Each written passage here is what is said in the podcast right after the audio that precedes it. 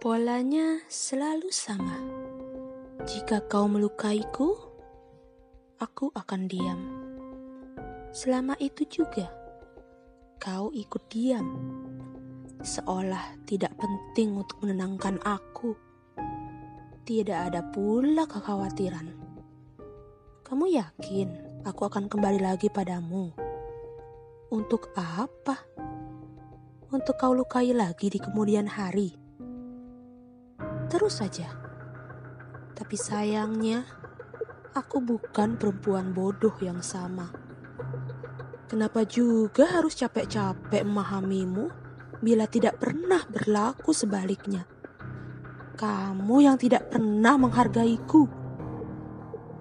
Batasku sudah cukup sampai di sini.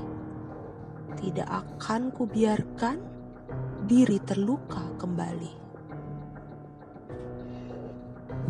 Jadi, inilah dia hasil dari curahan hati bahwa yang namanya sebuah hubungan, apakah itu pertemanan, persahabatan, atau juga terhadap pasangan, sebuah hubungan adalah suatu keseimbangan, hubungan timbal balik, hubungan saling membutuhkan bukan hanya satu pihak saja yang membutuhkan, tetapi keduanya.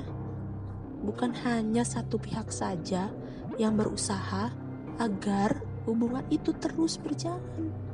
Tidak, keduanya harus sama keras usahanya. Keduanya harus saling menyadari bahwa saling membutuhkan satu sama lain.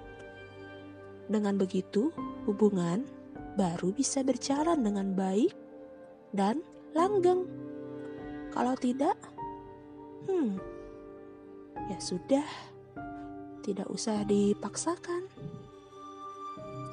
Setuju tidak?